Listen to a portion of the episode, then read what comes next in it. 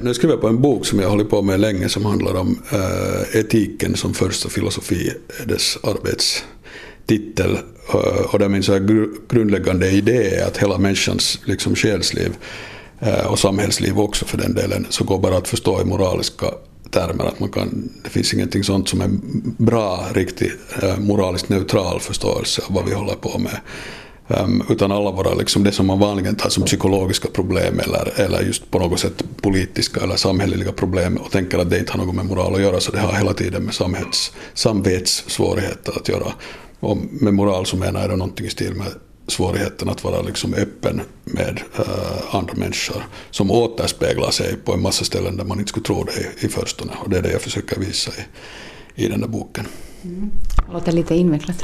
Ja, på sätt och vis nog, men egentligen inte. Sen i konkreta exempel så tror jag att man kan se att det inte är så invecklat egentligen. Så forskar jag annat också, skriver artiklar och sådär och så har jag undervisat på eh, universitetet på filosofiska instituten på Teaterhögskolan i filosofi.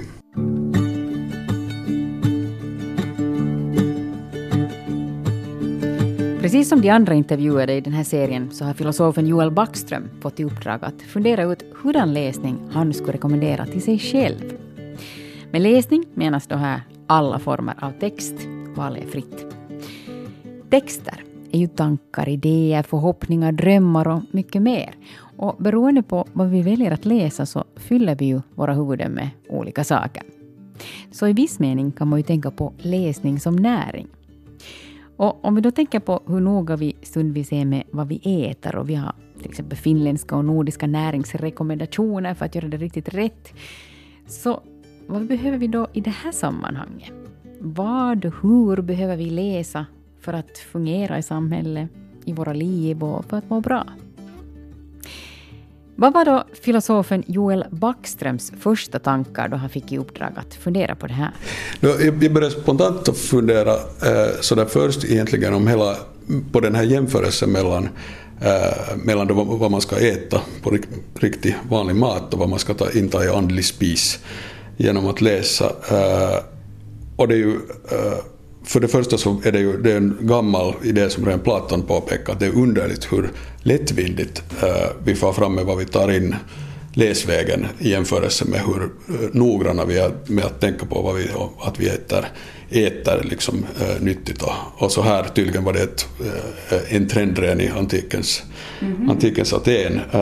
och Platon, liksom, eller Sokrates då, genom Platon, gör sig rolig eh, eh, eller lustig över just det här att man inte att man är grymt noga med vad man, att man inte ska äta något onyttigt och sen tar man in tanklöst precis vad som helst eh, från en bok eller, eh, eller då går och lyssnar på vad någon säger. Um, så att, uh, så att vad man, den där andliga spisen är förstås det viktigaste man har att fundera på här i livet egentligen. Att vad, är det, vad är det man tar in? Men då blir frågan förstås alltid att det, det fungerar ju inte som vanlig mat där man liksom äter och sen tar matsmältningen hand om det av sig själv så att säga. Utan uh, man måste ju vara aktiv. Man måste smälta den där tanken, den där andliga spisen själv förstås. Så den gör, gör det inte av sig själv så att allt hänger på förstås i vilken anda man läser eh, det man läser. Ehm, att man kan ha, det finns förstås en skillnad mellan bra böcker och dåliga böcker, det är helt klart. Eh, men också den bästa bok, så om du läser den utan tanke så kommer den inte att hjälpa dig alls. Eh, och därför kan man ju säga som Lichtenberg sa att böcker är som speglar, tittar en apa in så är det knappast en apostel som tittar ut. Att du, eh, den där boken kan inte göra i sig själv automatiskt någonting åt dig, utan det är som ett samtal, att du måste vara med själv aktivt gå in. Man kan inte, bara, man kan inte lyssna passivt, utan att på riktigt lyssna genast betyder liksom att man har något att invända eller tillägga eller, eller ifrågasätta. Um, så att man måste alltid läsa med eftertanke och då blir det förstås i en viss mening inte jätteviktigt vad, vad man läser. Um, att också den sämsta boken kan lära en väldigt mycket. Den sämsta boken kan lära en mer än den bästa boken i en viss mening om man, om man läser det med, uh, med eftertanke. Hur då? Uh, jag tänker så här att, alltså, um, att man kan läsa liksom jag menar för det första, de flesta böcker som skrivs är fantastiskt dåliga. Och förstås det mesta som skrivs är, är fantastiskt förvirrat på en massa olika sätt. Men man kan alltid läsa det som symptom så att säga. På att hur kommer det sig att man kan tänka så här underligt som folk uh, ofta, som vi tenderar att, uh, uh, tänka. Och då genom att försöka uh, liksom tänka igenom var den där förvirringen ligger och varför det är frestande att tänka på ett visst sätt så kan man lära sig väldigt mycket.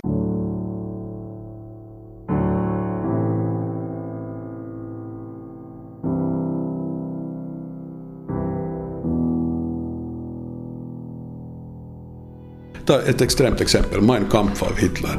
Eh, en liksom förstås hemsk bok eh, på på alla sätt, men mycket lärorik att läsa.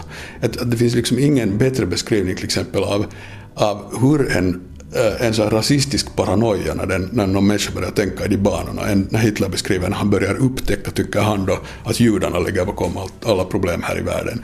Det är liksom en fantastisk beskrivning som du inte skulle kunna för att han ger den förstås, han tror själv på den så att säga, eller har intalat sig att det är så här det är. Eh, så att han, han är helt så att säga uppriktig i vad han säger och ändå är det förstås totalt förljuget och förvirrat hela vägen.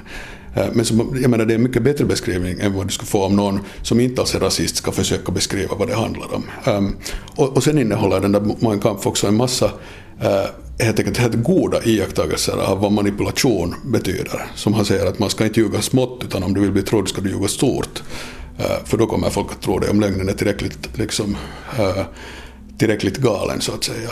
Um, och det, och det, är en bra beskrivning av hur småsinthet och storhetsvansinne helt hänger två sidor av samma sak. Och det på en massa sätt ett mycket intressant psykologiskt och socialpsykologiskt politiskt dokument. Liksom. En helt galen hemsk bok men man kan lära sig en massa av den. Och, och det där gäller förstås också vad som helst en löpsedel eller, eh, eller vad som helst för skenbart trivial text som när man börjar tänka på att hur kommer det sig att något sånt här alls liksom skrivs så kan man öppna sig hela kulturen genom den där lilla Eh, liksom triviala sidodörren så att säga. Så att eh, på det sättet tänker jag att man också, också det sämsta kan vara mycket värt att läsa förstås om man läser det med eftertanke. Um, och där är det sen förstås så att man att det är ju jätteviktigt att läsa bra böcker också förstås. Folk som verkligen har haft någonting att säga och har um, insikter att komma med. Att om man att när man har läst tillräckligt mycket bra böcker så sen kan man, poängen med det är att då kan man lära sig läsa de dåliga böckerna med, med behållning så att säga. Vi får idag en massa budskap från olika håll. Betydligt mer än vad folk fick förr. Men vi är inte nödvändigtvis friare som individer trots det, funderar Backström. Det kommer så mycket budskap från alla möjliga olika håll så där kan det också bli en sån där på något sätt en, en, illusion av att ingen av dem är särskilt viktiga eller, och att det finns en jättestor valfrihet och folk har så, det är så mycket olika saker som kommer från olika håll. Så man kan till exempel där redan få en känsla som jag tror är helt illusorisk av att det på något sätt att det inte egentligen kanske finns någon ideologi idag. Att det var annat var det förr när det fanns halv nions nyheter som alla tittade på eh, och då kom det liksom en officiell idé om hur, vad som är vad i världen så att säga. Men nu för tiden finns det ju så mycket olika information som flyter omkring där så det finns ingen ideologi men det kan ju vara just formen av dagens ideologi att det just finns det där Eh, på ett visst sätt ganska olika sakerna som flyter omkring och alla tror att de är fria bara för att, eh, för att det finns så mycket. Att är man fri eller inte på riktigt är ju alltid en personlig fråga för dig eller mig. Att det hjälper liksom inte dig eller mig att världen är full med vad som helst för böcker och information och eh, det ena och det andra. Om vi inte kan själv bilda oss en, liksom, inte bara en uppfattning om utan inta liksom en, en genomtänkt relation till det som finns där omkring oss. Så det är det som frihet på något sätt skulle bestå i, att man har en egen på något sätt syn på saker och ting, kan ta ställning på riktigt till saker och ting och inte bara liksom följa med en eller annan ström. Och då, det att det finns liksom tusen små strömmar istället för en stor, så om man bara flyttar med någon av de där små strömmarna så är man inte desto friare än om man skulle flytta med den där ena stora strömmen. Så att i den meningen är den där frihetsproblematiken och ansvarsproblematik, äh, vad det är att tänka själv, problematiken finns alltid liksom med, så den kan inte förstås lösas genom några allmänna arrangemang. I mängden av budskap som vi nås av idag ingår också olika sorters läsning som sker helt omedvetet, säger Backström. Till exempel en löpsedel eller en reklam kan vara fulladdad med värderingar som vi eventuellt tar till oss utan att ens tänka på vad där egentligen sägs. Då att försöka vara, bli klar över att på vilket sätt är det som den talar till mig, eller är menad åtminstone att, äh, äh, att tala till mig, är viktigt. För att annars så kommer den att göra det anyway. Och, så kommer jag att bli påverkad utan att jag har eh, tänkt efter över det. Så att, att den sortens, att mycket av den viktigaste kanske läsningen som vi gör är sånt som vi inte alls själv tänker på att vi alls uh, överhuvudtaget läser någonting. Och det är ingenting som vi har valt uh, och så här, utan vi bara uh, det är så som ju en, så just en allmän kulturell liksom, stämning och uh, tidsanda upprätthålls just genom de här så att säga, på ett sätt anonyma budskapen som hela tiden eh, vi mer eller mindre anonymt riktar till varandra. Joel Backström, som du hör nu, är alltså heltidsfilosof och läser överlag mycket i sitt arbete. Ibland kanske mer än jag borde också. För det verkar ibland att man nu tänker jag egentligen närmast på så, här, så att säga professionell läsning som jag förstås, eftersom jag är akademisk forskare så måste jag följa med mitt, äh, mitt område. Alltså vad som skrivs av samtida filosofer, akademiska filosofer. Um, och där, där jag tycker faktiskt att det mesta av det är ganska um, värdelöst av, av olika skäl men man måste nu liksom så att säga följa med det ändå. Där finns många olika saker som spelar in, bland annat en, en sorts idé om att filosofi borde vara någon sorts vetenskap som det i, i någon sorts, inte direkt naturvetenskaplig men sån här, någon sorts halvempirisk mening, vilket filosofi aldrig kan vara och sen när man försöker göra det till det så blir det bara, resulterar det i en sån eh, total trivialisering av filosofin. Um, på något sätt. Och, sen har det att göra med att man förstås att det, i akademisk filosofi, liksom i akademisk vetenskap annars så har, blir det så mycket sådana eh, revirstrider och man försöker inmuta sitt eget äh, lilla revir och hålla på med det och man vill inte prata med andra för att man inte vill, äh, liksom man är rädd att förlora sin position så att säga eller, eller sätta någonting på spel så man försöker spela tryggt och, och, och, och dra framåt sin karriär istället för att på riktigt försöka tänka på på en sak och se vad man kan förstå av den. Men sen läser jag förstås mycket annat. Eh, och dels filosofins klassiker, där är de är på ett helt annat sätt sådana som man kan återkomma till på nytt och på nytt och som alltid har, eh, där man inte liksom blir färdig med dem genom att läsa det en gång, utan det finns så mycket där att, eh, att, att, att skopa ur så att säga, så att man varje gång man kommer till det så märker man att där finns saker som man inte har förstått uh, när man läste, läste det sist. Um, och, och sen sånt, det, på det sättet är ju läsande alltid som en sorts, som att samtala med någon.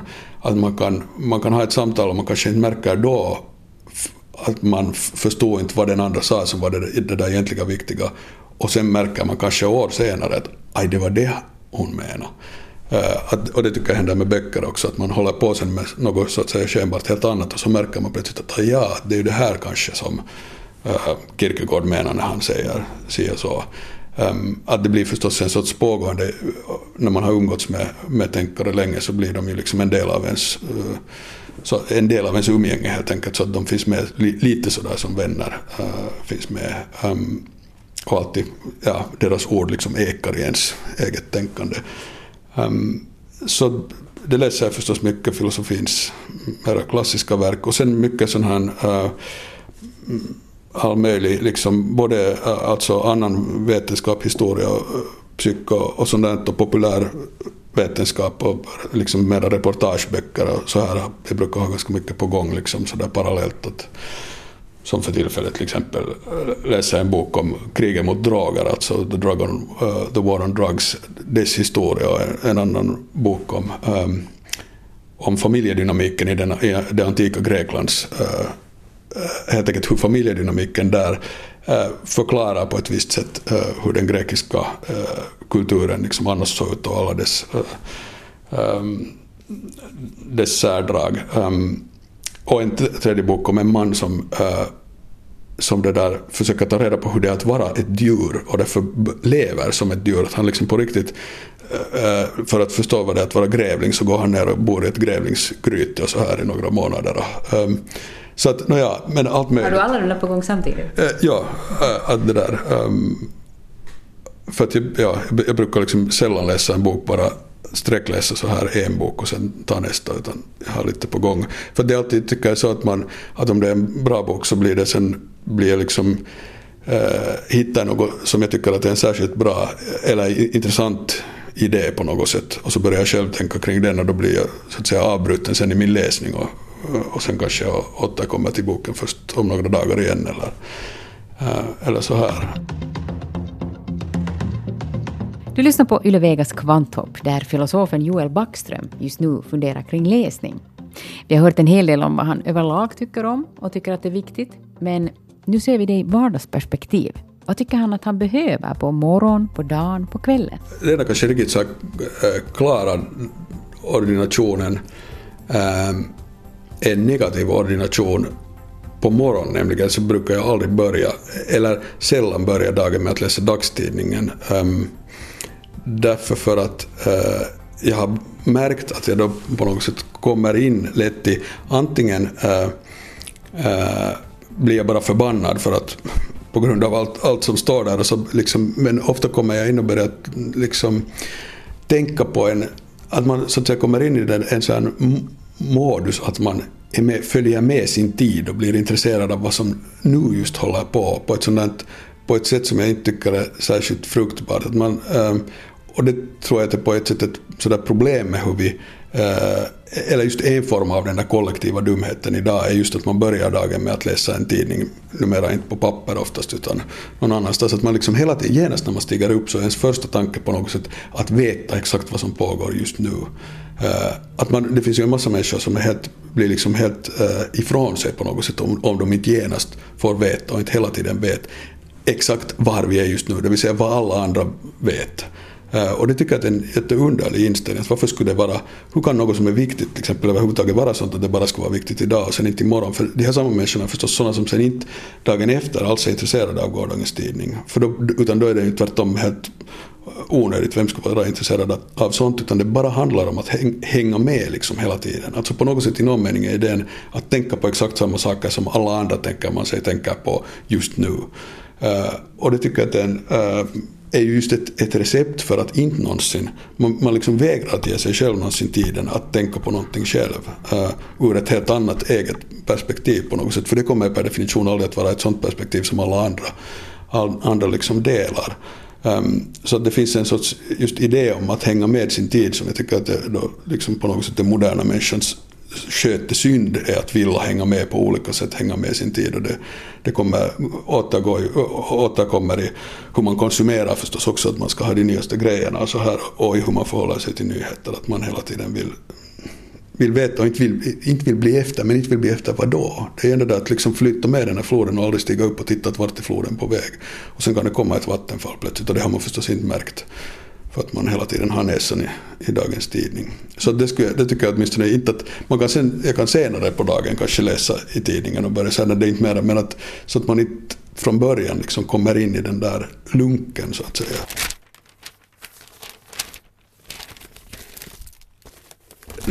Jag, av dagstidningar läser jag faktiskt sådär äh, dagligen, eller så att säga ofta egentligen bara Husis, inte för att den är särskilt bra eh, utan för att det nu är den finlandssvenska tidningen och följa med vad den finlandssvenska debatten är. Och sen läser jag på nätet liksom om enskilda teman. Eh, det var jag råkade hitta när jag blir, jag brukar ofta läsa så alltså att jag eh, att det kommer upp någon nyhet som handlar om något tema och sen om jag tänker att det här är ju intressant vad som helst skatteparadis eller, eller det kan vara vad som helst som det handlar om så börjar jag sen helt enkelt ta reda på mer om den där ena saken och läsa in mig på den och då är det inte förstås nyheter på det sättet utan bara att man hittar någon sajt där det finns, verkar finnas bra vettig kritisk information om det och sen, eh, och sen läser man in sig på det eller lånar en bok om det temat. Liksom. Att jag tycker på det sättet mm, så tycker jag att man lär sig någonting. Att man, det är på det sättet väldigt svårt att lära sig något av att bara följa med just så att säga nyhetsflöde eller så här.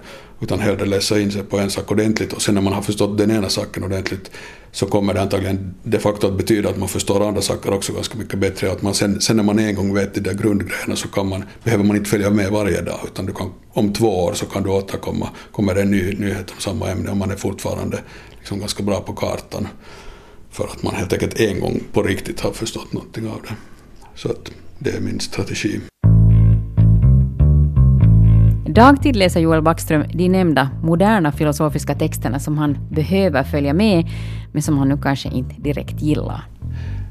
Men sen försöker jag ju då läsa sånt som att jag tycker att när man någon gång har hittat någon tänkare, och det behöver inte vara specifikt en filosof, utan um, det kan vara en skönlitterär författare också, eller uh, att det hänger inte på genren på det sättet, men att hitta en författare som, där man har en känsla av att den faktiskt, eh, inte bara att den har något att säga, men att den liksom på riktigt försöker få något sagt och försöker tänka en tanke, försöker liksom genomföra så att säga ett experiment, att kan man tänka på det här sättet? Att det finns en liksom angelägenhet i eh, vad den gör. Så när man har hittat en sån så, då är det, tycker jag, alltid värt att, eh, att läsa och läsa mer och hitta de andra böckerna också. Så, men, eh, jag menar, om jag nu ska nämna något exempel så eh, det här är så relativt kanske för säkert lyssnarna okända personer men äh, Girard eller äh, två franska tänkare som mm,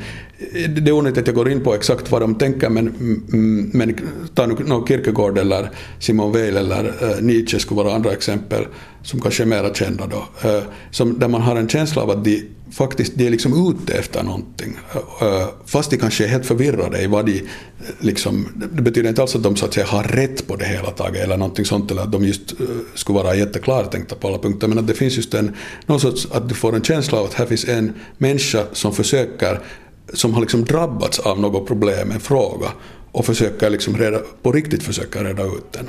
Uh, Knausgård är kanske en annan som liksom har på något sätt en, uh, en sån angelägenhet i, i det han gör. Och igen, det betyder inte alls att man håller med om allt eller att det inte skulle kunna vara hur, hur förvirrat som helst men att där finns en, en på det sättet en människa som är närvarande i den, den där texten och som har ett genuint eget problem med det. Den, någonting som den försöker liksom bli klar över och förstå, för det är ganska sällsynt, skulle jag säga. Det finns en massa eh, i och för sig jättebra böcker och så här, eller välskrivna och allt det här, eh, och, som man kan lära sig mycket av eh, i och för sig för att de skriver om intressanta saker till exempel, men där, det inte, där man inte kan hittar en sån där någon människas egen röst, och då blir det förstås i längden på ett visst sätt liksom tråkigt att läsa det. Eller det, det ger inte det där, för det enda som på något sätt tycker på riktigt ger någonting är att man just hittar en annan, en levande röst liksom i den där boken. Um, så där om man i grunden är det, tycker jag, det, eh, det viktigaste. Och då, då, brukar det ofta vara så att det är inte så att en sån röst sen försvinner liksom i nästa bok, utan har du, hittar du den i en bok av den här människan så kommer den att finnas på de andra ställena också. Um, så det skulle jag eh, tycka att det är sånt som jag liksom vill läsa, som det är något verkligen poängfullt att, äh, att läsa. Efter jobbet blir det sällan nu för tiden skönlitteratur, men all slags faktalitteratur. Och gammaldags vetenskap till exempel.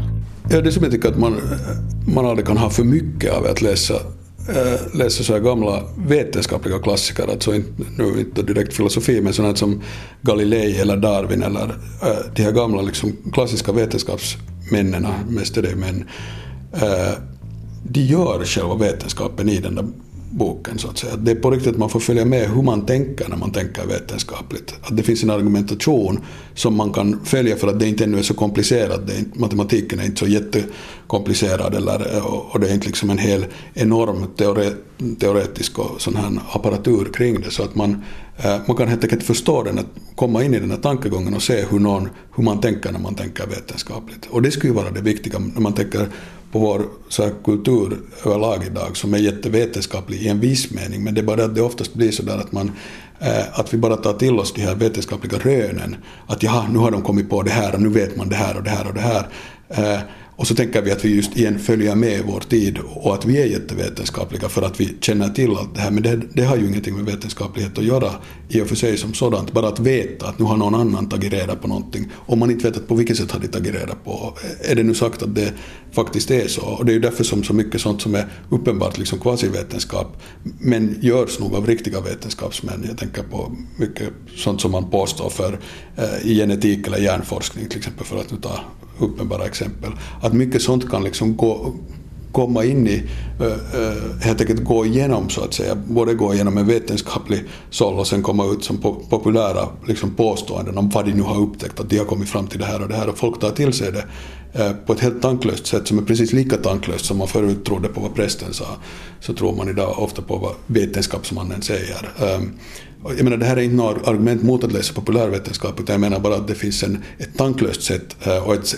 sensationalistiskt sätt ofta också att, eh, att läsa det som inte är bra, men som, man, som är något helt annat igen än att läsa Galilei till exempel och läsa när han argumenterar för varför det finns solfläckar. Eh, att det är liksom att på riktigt helt enkelt en skola i att tänka vetenskapligt i motsats till att bara följa med vad vetenskapsmännen påstår sig ha kommit fram till. Eh, så det tycker jag alltid är roligt att läsa. Sån vetenskap som är just i en viss mening så primitiv att man kan förstå den men den är inte tankemässigt primitiv utan det är bara, man behöver inte vara specialist så att säga förstå det utan man kan helt som en tänkande människa förstå hur, hur argumentationen har gått.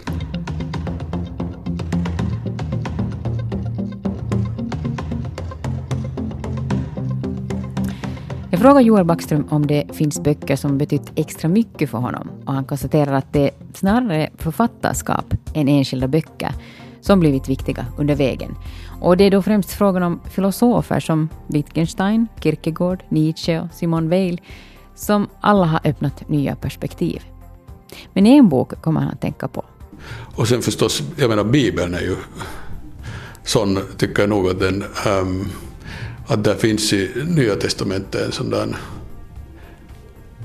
en, eh, där finns allt möjligt som är underligt och så här också, eh, men så finns det nog liksom ansatser till på något sätt en väldigt radikal kritik av, eh, av allt vad socialt tjän och makt och sådana relationer vill säga.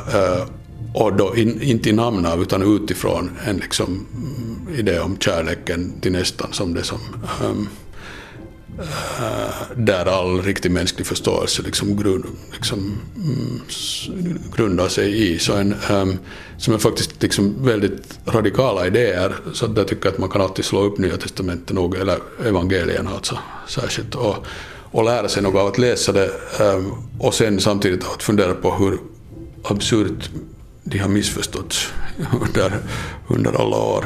Um, så det är en bok som jag tycker att det nog lönar sig att, att titta på. Eh, uh, allt emellanåt. Och inte förstås, men just inte med den attityden att, här, att det här är på något sätt uh, Guds ord och det är sant om man ska tro det eh, liksom på det sättet utan att försöka förstå vad där står. Vad vet jag, kanske det är Guds ord men då är förstås uppgiften är fortfarande att förstå vad var det han försökte säga i så fall. Och det, liksom, det ger sig inte av, de där, av den där texten i sig, men där finns något bita i.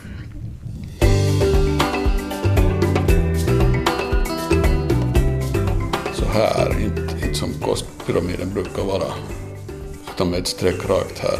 Alla som intervjuas i den här serien får till sist rita upp en kostpyramid för sin läsning. Det vill säga vad man tycker att man behöver inta, till exempel under en vecka. Så det som vi har näringsrekommendationer för mat, men nu då istället för den egna läsningen. Joels pyramid kommer du att kunna se på svenska.yle.fi vetenskap och redan nu kan du titta på de föregående personernas pyramider och bilder. Där finns sådana som astronomen Thomas Hackman, medeltidsforskaren Thomas Heikkilä, akademisekreteraren Åsa Lindberg, biologen Anders Albrecht och historikern Laura Kolbe. Joel Backströms bästa läsning får nu de sista orden. Jag tycker det bästa är när det på, ett, på något helt otippat ställe uh, någon som man aldrig har hört om, eh, liksom ramlar man över någon bok som sen så slår man upp det och så börjar man läsa och märker att det här är ju helt otroligt, något som man inte alls har liksom tänkt på tidigare. Det händer eh, sällan men det händer alltid emellanåt. Det är nog på något sätt, om inte det skulle finnas så skulle det nästan inte vara någon poäng att öppna en bok någonstans, någonsin.